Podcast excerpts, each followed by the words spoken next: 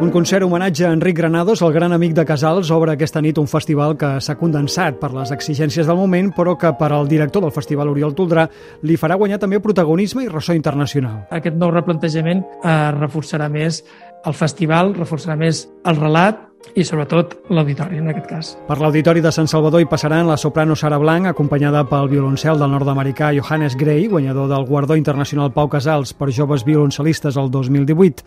També s'hi podrà sentir el colombià Santiago Cañón València, interpretant tres grans sonates per violoncel.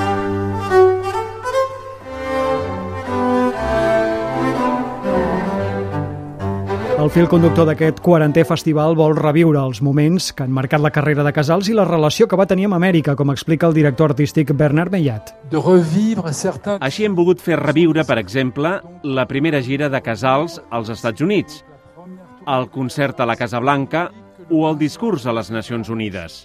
Le discours aux Nations Unies. Un trio format pel pianista Eric Lesage, el violinista d'Eishin Kashimoto i el violoncel·lista Claudio Borquez replicarà les peces del concert de la Casa Blanca davant de Kennedy, ara fa 60 anys, amb peces de Schumann, Coopering i el cant dels ocells. El festival també ha reunit 12 joves músics per preparar els grans programes del concert Música a Malboro, que interpretaran el 20 de juliol. El certamen, que també inclou un concert d'orgue de Bernat Frocull i projeccions d'imatges històriques, es tancarà el dia 22 amb un gran homenatge a l'orquestra del Festival Pau Casals.